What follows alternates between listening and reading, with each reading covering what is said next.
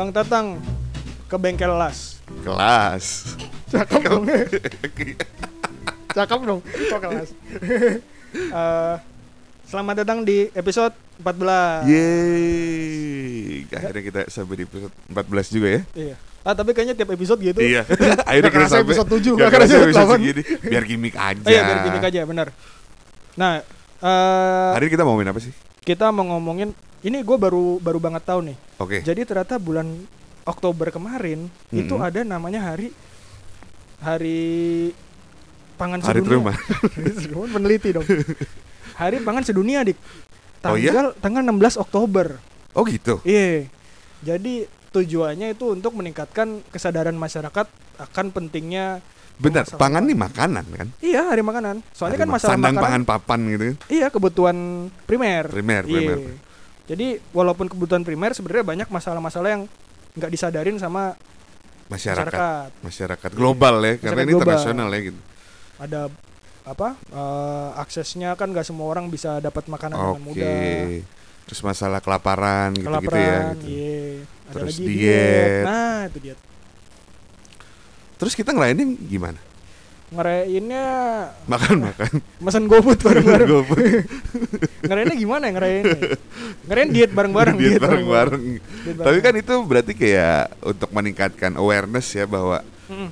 ini tuh penting untuk dirayakan, untuk diselebrasikan ya gitu. Jadi kayak ya sama aja kayak hari kalau yang bulan hari-hari merayakan selebrasi momen-momen tertentu ya. Jadi kayak Mm. Hari Sumpah Pemuda, Iya. hari Halloween. Halloween. Tapi Halloween bukan budaya kita kan. Halloween bukan budaya kita. Valentine juga bukan budaya kita. Valentine bukan budaya kita. Iya. Nah ngomong-ngomong tadi masalah eh, pangan juga yang which is itu makanan kan ya Iya, gitu. betul.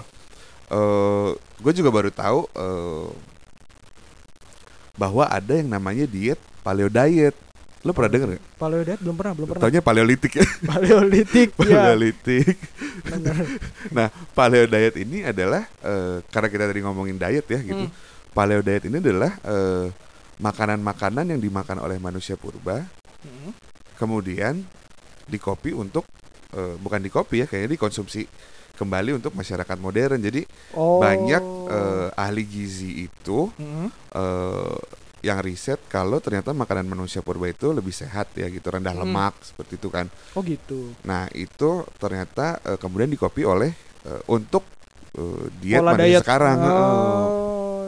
Dan al- itu banyak banget di kalangan artis yang Hmm.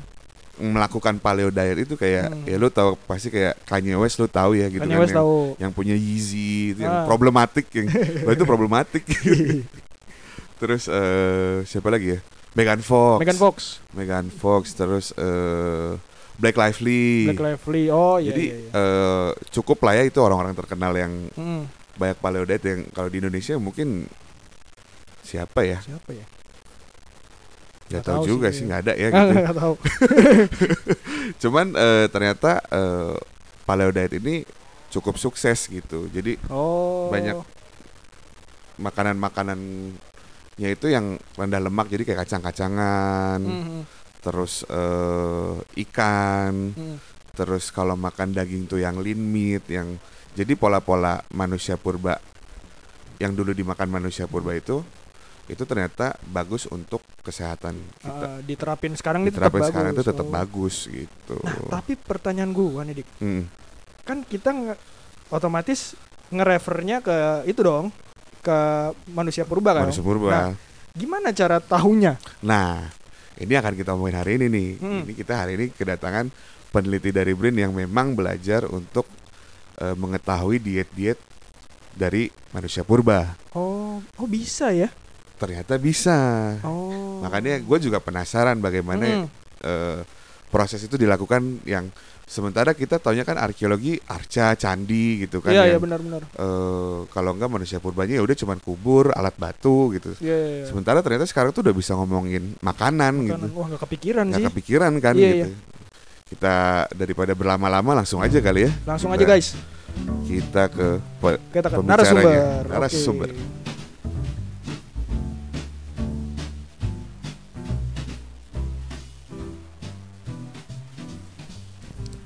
Oke, ini kita udah sama pembicara nih. tadi udah dijelasin eh, pembicara kali ini spesial didatangkan dari lembaga yang baru lahir ya. dari Yoi, BRIN.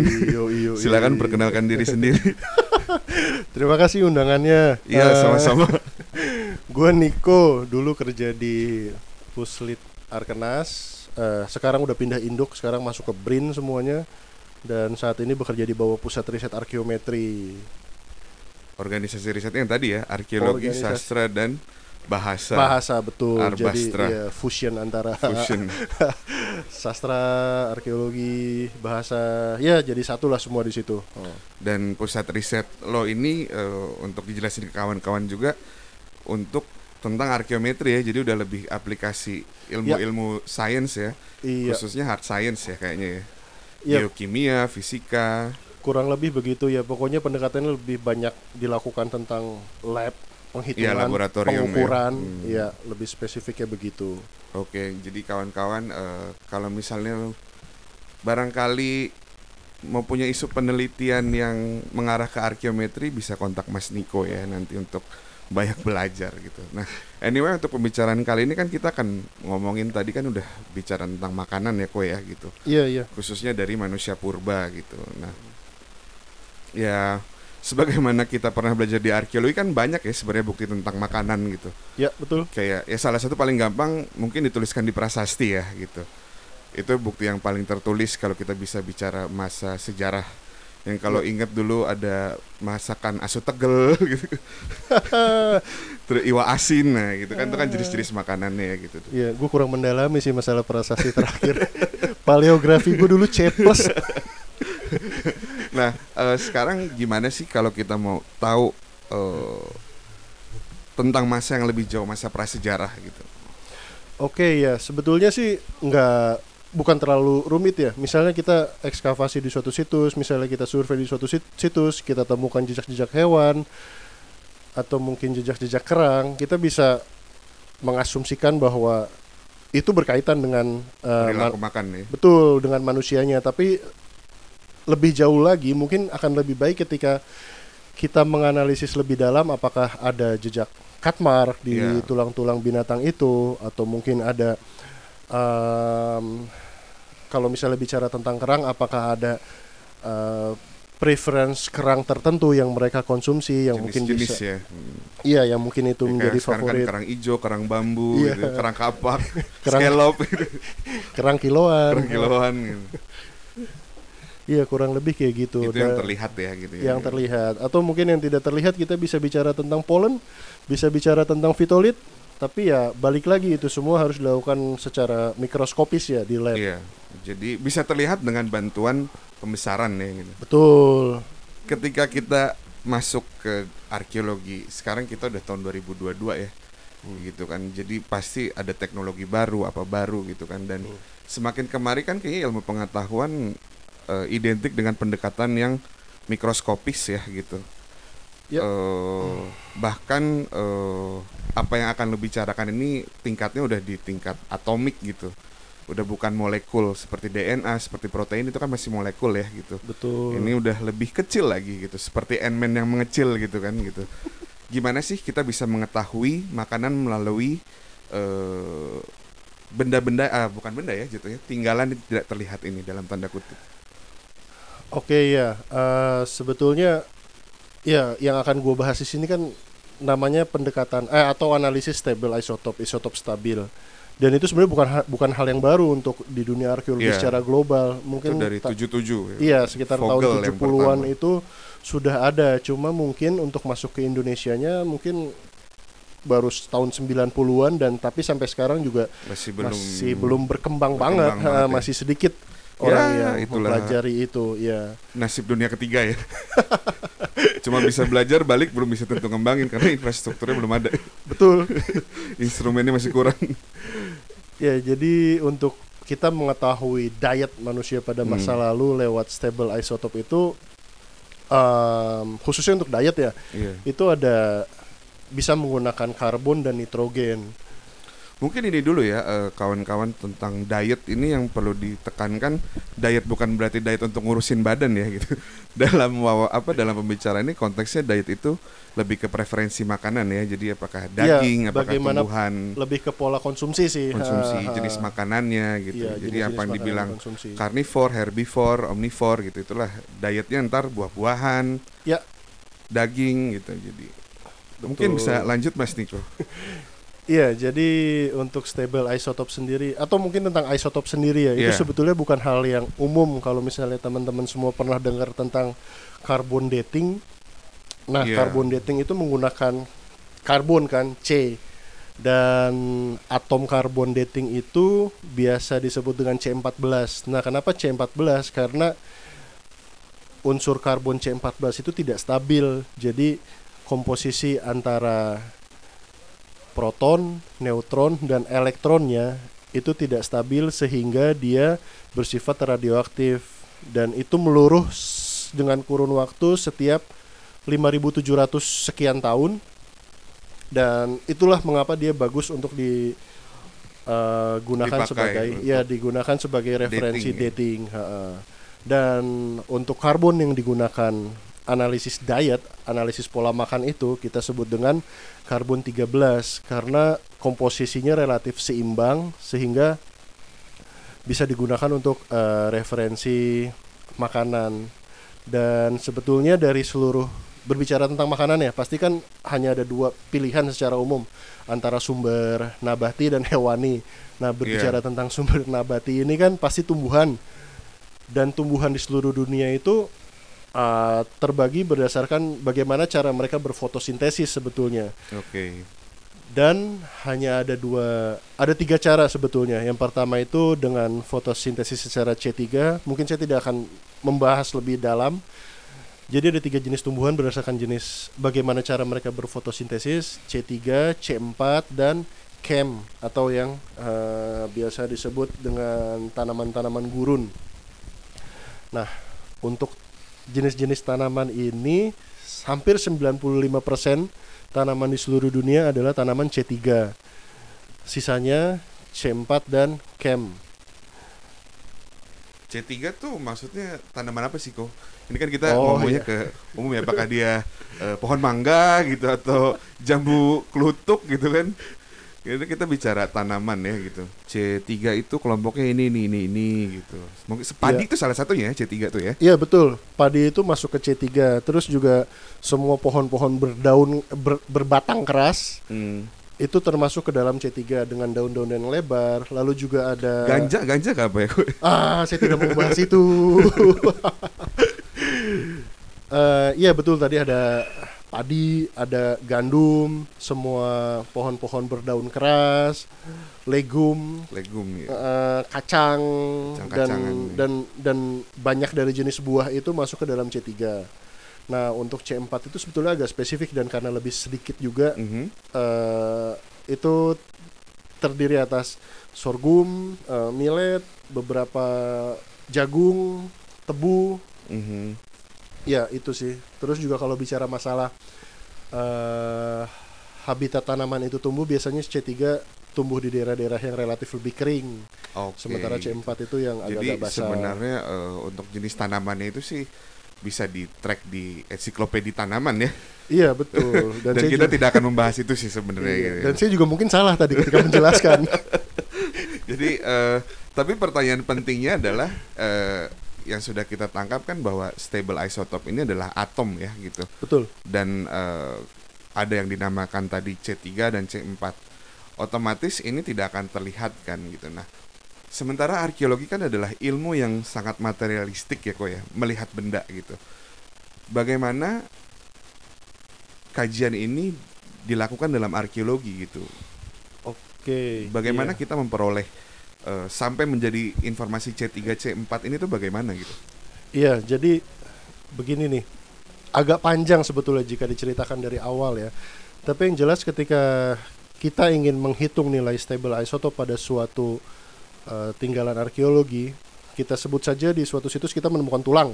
Oke. Nah, tulang itu pertama-tama kita akan ekstrak kolagennya. Oke. Nah, Tapi kolagen ini sendiri ju- juga agak-agak tricky karena tidak semua situs bisa mempreserve kolagen dengan baik. Oke. Jadi kadang itu kolagen akan terdegradasi. Iya, ada proses tafonomi kolagennya Iya, sendiri ya. betul. Sama Ah. seperti DNA, jadi bisa rusak gitu kan. Betul, ha, dan itu juga jadi tidak semua sampel bisa di Jadikan Iya. tidak layak gitu. Iya, betul. Bisa saja ini nggak layak gitu. Ya, bisa dikesampingkan, bisa dipakai ya. Hmm. Ya standar kerja lab lah. Iya. Ada yang bisa, ada yang tidak. Ha. Tapi pada dasarnya bahannya adalah tulang ya. Berarti kita Bahan- bicara ekofak gitu.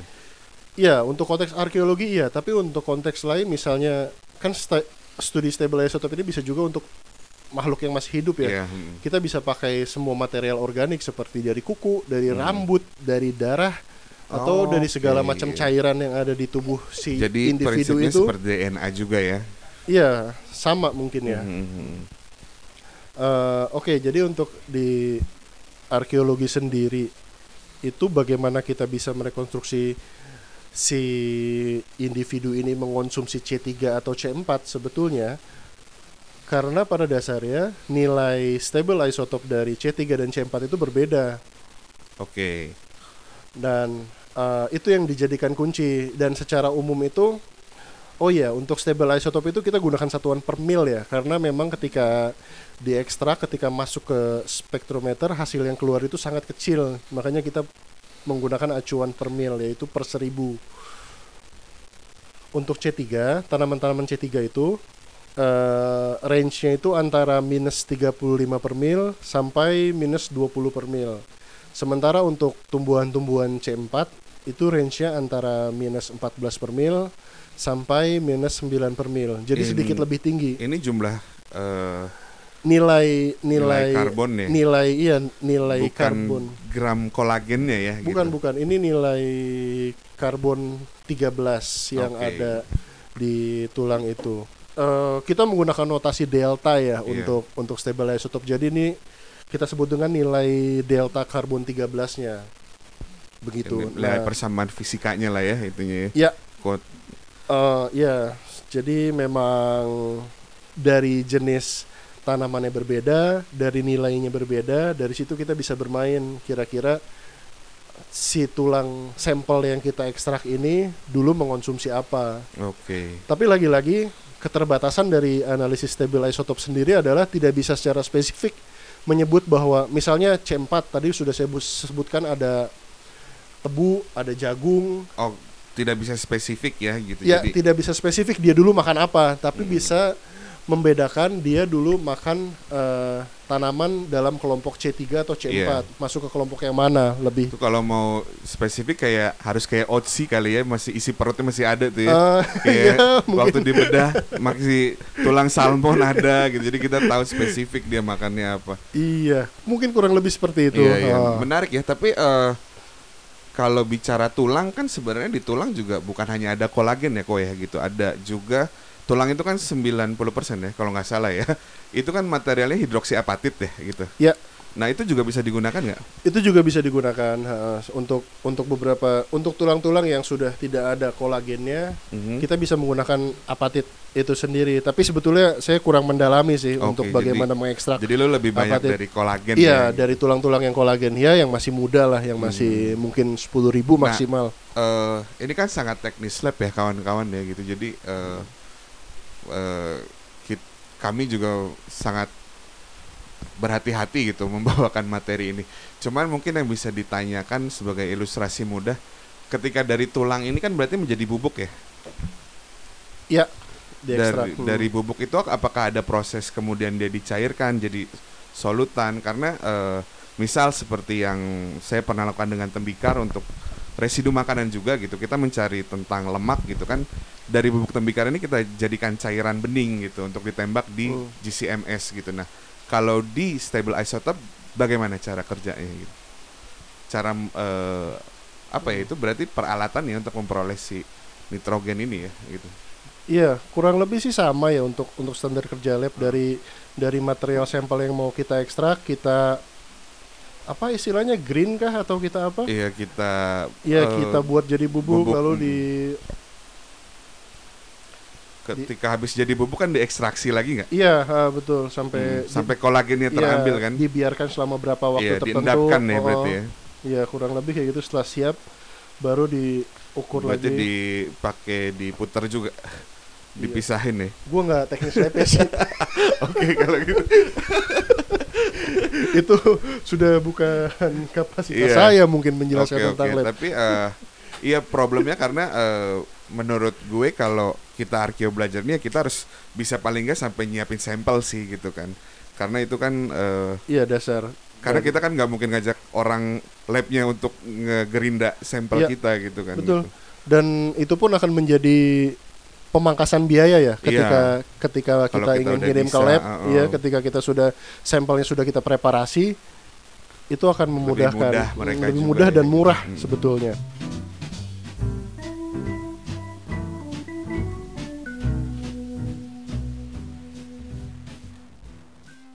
Eh, nah kan kok kita tadi udah bicara tentang karbon gitu untuk salah satu cara untuk mengetahui tentang makanan eh, diet masa lampau gitu. Nah kira-kira nih dari eh, kawan-kawan stable isotop lainnya gitu, ada nggak sih yang bisa digunakan juga untuk eh, bicara tentang makanan gitu?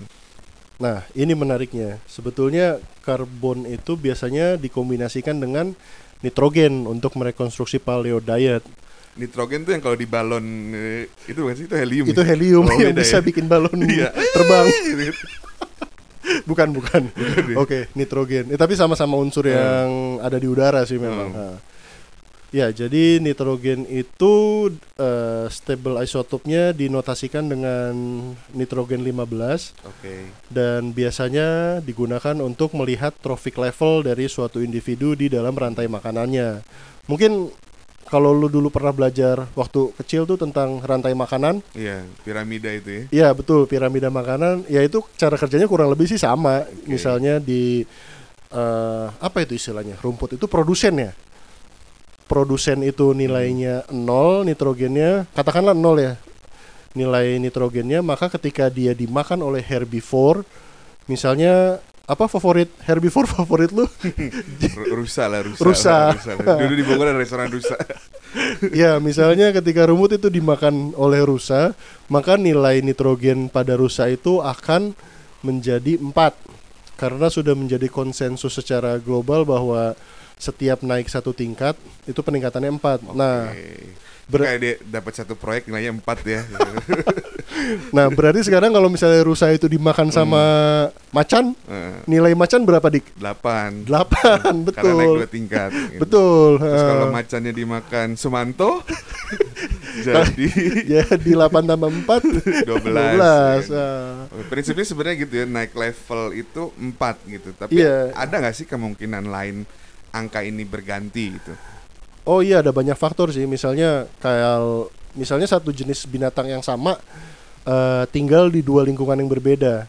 Taruhlah dia tinggal di Kepiting lingkungan ya, jadi kayak misalnya kepiting ya. bukan penyu.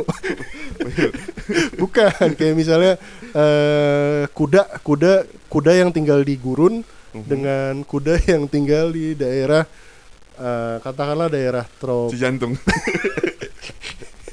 ada ada brigit. Ya pokoknya ketika intinya adalah ketika Iya, dua spesies yang sama spesies tapi sama tinggal, tinggal di di daerah yang lingkungan yang berbeda, berbeda. Hmm. itu akan mempengaruhi nilai nitrogennya. Oh, Oke. Biasanya sih yang yang membuat nilai nitrogen 15 meningkat itu eh, faktor kekeringan ya, kayak misalnya kurangnya air di daerah situ jadi kudanya harus mempreserve nitrogen lebih banyak. Mhm. Itu yang bikin nilainya meningkat. Oke.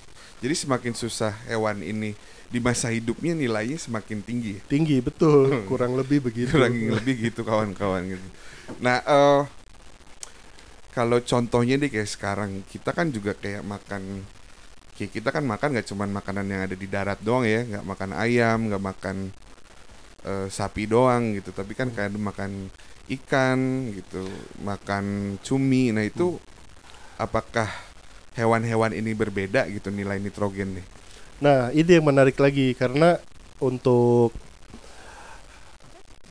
hewan-hewan yang dari marine ecosystem memang Hmm. cenderung memiliki nilai nitrogen yang lebih tinggi karena dia start awalnya itu dari yang terkecil dari fitoplankton. Nah, Oke. makanya eh, sebetulnya Iya, iya. dari nitrogen ini kita bisa bermain tentang eh, apa istilahnya tentang bagaimana pola diet masyarakat atau manusia Iya, itu? apakah dia banyak makan makanan darat betul. atau laut? Ha, ya dan Terus, apakah mungkin dia berpindah semasa iya, hidupnya berpindah. diketemukan di mana? Masalah gizi akses ke makanan gitu ya? Ya semacam itu sih ha, dan apakah dia mempunyai kemampuan untuk mendapatkan sumber, daya, tertentu sumber gitu. daya tertentu iya jadi Yang menarik ya jadi kita bisa bahkan rekonstruksi ya ini hmm. status sosial ya lu makan daging wagyu atau bukan gitu ibaratnya gitu ya iya siapa tahu dulu seafood mahal kan Seafood susah mahal. harus ditukar babi yang murah babi yang murah melimpah Iya. melimpah ruah lu tinggal lempar ruah. batu dapat babi Dapet, iya. Iya menarik ya gitu. Nah, eh selain ini juga eh gue ini kan lebih banyak di bidang keforensikan ya koya gitu dan gue Iya. juga udah sering dengar tentang stable isotop gitu. Nah, di bidang forensik ini sekarang tuh lagi in juga bagaimana yang tadi lu bilang gitu eh, untuk mengidentifikasi dari mana asal eh, temuan rangka ini karena kan kalau kita di forensik bicara rangka yang tidak dikenal ya gitu jadi bisa jadi lokasi itu pembunuhan massal lokasi itu dia walaupun bukan pembunuhan misalnya lagi eh, kalau di Amerika tuh banyak yang imigran-imigran liar yang meninggal di gurun karena mereka berpindah berjalan gitu kan. Nah itu apakah bisa ketahuan melalui isotop juga gitu? Oh iya bisa bisa. Yang untuk tracer gitu ya untuk tracer bagaimana asal usul dia di mana dia Iya. berasal itu ada isotop lain sebetulnya yang digunakan. Ini di luar dari diet Dari ya? Diet, iya. di luar dari diet ya. Itu nama stable isotop yang digunakan adalah strontium. Nah strontium ini digunakan sebagai tracer. Apakah eh, suatu individu berasal dari daerah situ atau tidak. Nah, saya pernah baca nih ada contoh kasus di salah satu situs Neanderthal di Oke, Er- hmm. di Eropa. Jadi eh, Neanderthal itu kan pemburu ya. Jadi di sana itu mereka berburu rusa konteksnya. Nah, pada lapisan-lapisan tertentu rusa itu memang nilai strontiumnya sama dengan strontium di sekitar gua di sekitar Oke. di sekitar habitat di sekitar eh, catchment area si Iya, Neanderthal itu. Ya, tapi ada satu di suatu lapisan yang rusa-rusanya ini ternyata strontiumnya berbeda, jauh berbeda dengan dengan rusa-rusa yang, lapisan tadi itu. Iya. Nah, eh, dari sini saja kita bisa menarik kesimpulan bahwa ada dua jenis rusa yang diburu. Ada rusa yang di memang dekat situ daerah situ, ada yang- rusa yang diambil dari jauh atau mungkin Oke. rusa itu sedang bermigrasi. iya Ketika rusanya lewat, ditombaklah sama Neanderthal, tas, Iya. kena dapet. oke oke oke Uh, jadi memang strontium itu, dan itu bisa strontium ya gitu. strontium digunakan sebagai tracer ha. Oke. dan nggak cuma di binatang di manusia pun Di juga manusia, bisa yang bisa begitu di ha. konteks forensik uh, Mm-mm. sekarang lagi sering lah cukup banyak digunakan gitu. Ini menarik sekali ya kawan-kawan dan sebenarnya kalau didengar uh, amat simpel ya coy yang sebenarnya kita pengen tahu kan jumlah nitrogen karbon dan nitrogen ini ya di tiap level kalau bicara tentang Ya. uh, apa uh, rantai makanan tadi trophic level Hmm. tadi ya gitu. Jadi uh, prosesnya ribet tapi sebenarnya kita tahu cuman pengen nilainya berapa sih gitu kan iya betul dari temuan situs itu misalnya ya kalau ketemu tulang babi misalnya dari tulang babi itu dianalisis gitu si Iya. stable isotopnya ini sangat menarik ya gitu dan eh, Mas Niko ini kebetulan baru pulang dari sekolahnya juga mempelajari tentang ini ya gitu nah eh prospek ke depannya gimana sih eh Cok Tentang- untuk tentang, stable, stable isotop, ini karena kan ya. lu baru belajar di luar dengan peralatan yang begitu modern gitu sementara kita Hmm. negara dunia ketiga kan masih berperang dengan kebocoran data kemarin kan gitu yang eh, masih jauh lah dari kata-kata lab yang proper gitu dan itu kan Hmm. masalah di semua eh, arkeologi sains ya gitu lab yang proper gitu Ah. Ya. Kalau bicara prospek ya sebetulnya em, bisa dibilang sih bagus dan masih luas dan terbuka untuk siapa pun. Saya mendukung jika ada teman-teman semua yang mau belajar, mungkin kita bisa diskusi, kita bisa eh, sharing sharing ya sharing sharing ilmu pengetahuan bagaimana untuk ke depannya dan berbicara tentang lab sebetulnya saya pernah dengar di Batan sendiri sudah ada untuk eh, menghitung nilai karbon dan Oke. di ITB juga kayaknya sih udah ada sih untuk nilai karbon nitrogen. Tapi lagi-lagi untuk proses yang panjang analisis lab itu khususnya di stable isotop ya, kita punya referensi standar. Jadi ketika eh, suatu sampel dimasukkan ke dalam mass spectrometer itu harus ada standar referensinya yang menggunakan Iya, standar internasional. betul. Jadi ketika nilai itu keluar itu adalah nilai yang pasti. Karena kan berbicara tentang satuan yang sangat kecil per mil Iya, per betul. seribu itu kan bisa saja deviasinya sangat tinggi. Iya, iya. Frak hmm, bukan fraksinasi apa ya istilahnya? Margin errornya bisa sangat tinggi sebetulnya. Iya. Jadi eh, ya selama ini mungkin eh, studi stable isotop yang bisa kita lakukan atau yang saya lakukan sendiri pun dilakukan di lab luar sih. Iya. Lalu juga apa lagi tadi ya? Tentang prospek ya, ya prospek prospek untuk penelitiannya sendiri ya sangat terbuka lebar sih Iya, apalagi isu-isunya tadi kalau kita bicarakan banyak ya nggak cuma sangat iya paleo sangat- diet tapi mungkin migrasi iya terus apalagi bicara status sosial tadi dengan dari Ah. makanan aja kita bisa bicara status Iya. sosial ya gitu apalagi kita negara maritim dan negara betul gitu. negara apa, negara apa? Wakanda ya pokoknya antara terestrial Iya, dan marine itu ya gitu. iya sangat Emang sangat betul kuat ya dan kental. In- Indonesia apalagi untuk situs-situs bukan yang prasejarah tua ya gitu ya Iya. situs-situs masa Hmm. klasik kalau ketemu rangka mungkin bisa ya gitu Bisa, dipakai. betul, apakah bisa. benar ini orang Arab Gujarat gitu kan atau orang India Dravida. iya Davida atau benarkah Putri Campa dari Campa gitu nah, kan itu kayak gitu kan juga ya. Hmm. bisa diteliti dari stable isotop ini ya Iya, iya. Oke eh, kawan-kawan ini pembicaraan berat kali ini kita akhiri saja ya daripada makin pusing dan eh, jangan lupa di drive kami kami akan eh, ma- apa? Kami akan masukkan juga bahan-bahan bacaan. Mungkin nanti tesis Mas Niko yang versi ringkes kalau boleh di share gitu bisa di Oh iya dengan di senang share hati. ke kita gitu Iya, untuk iya, buat kawan-kawan baca juga. Terima kasih banyak ya Mas Niko Sama-sama. untuk waktunya. Oke kawan-kawan Konso Kental sampai jumpa di episode berikutnya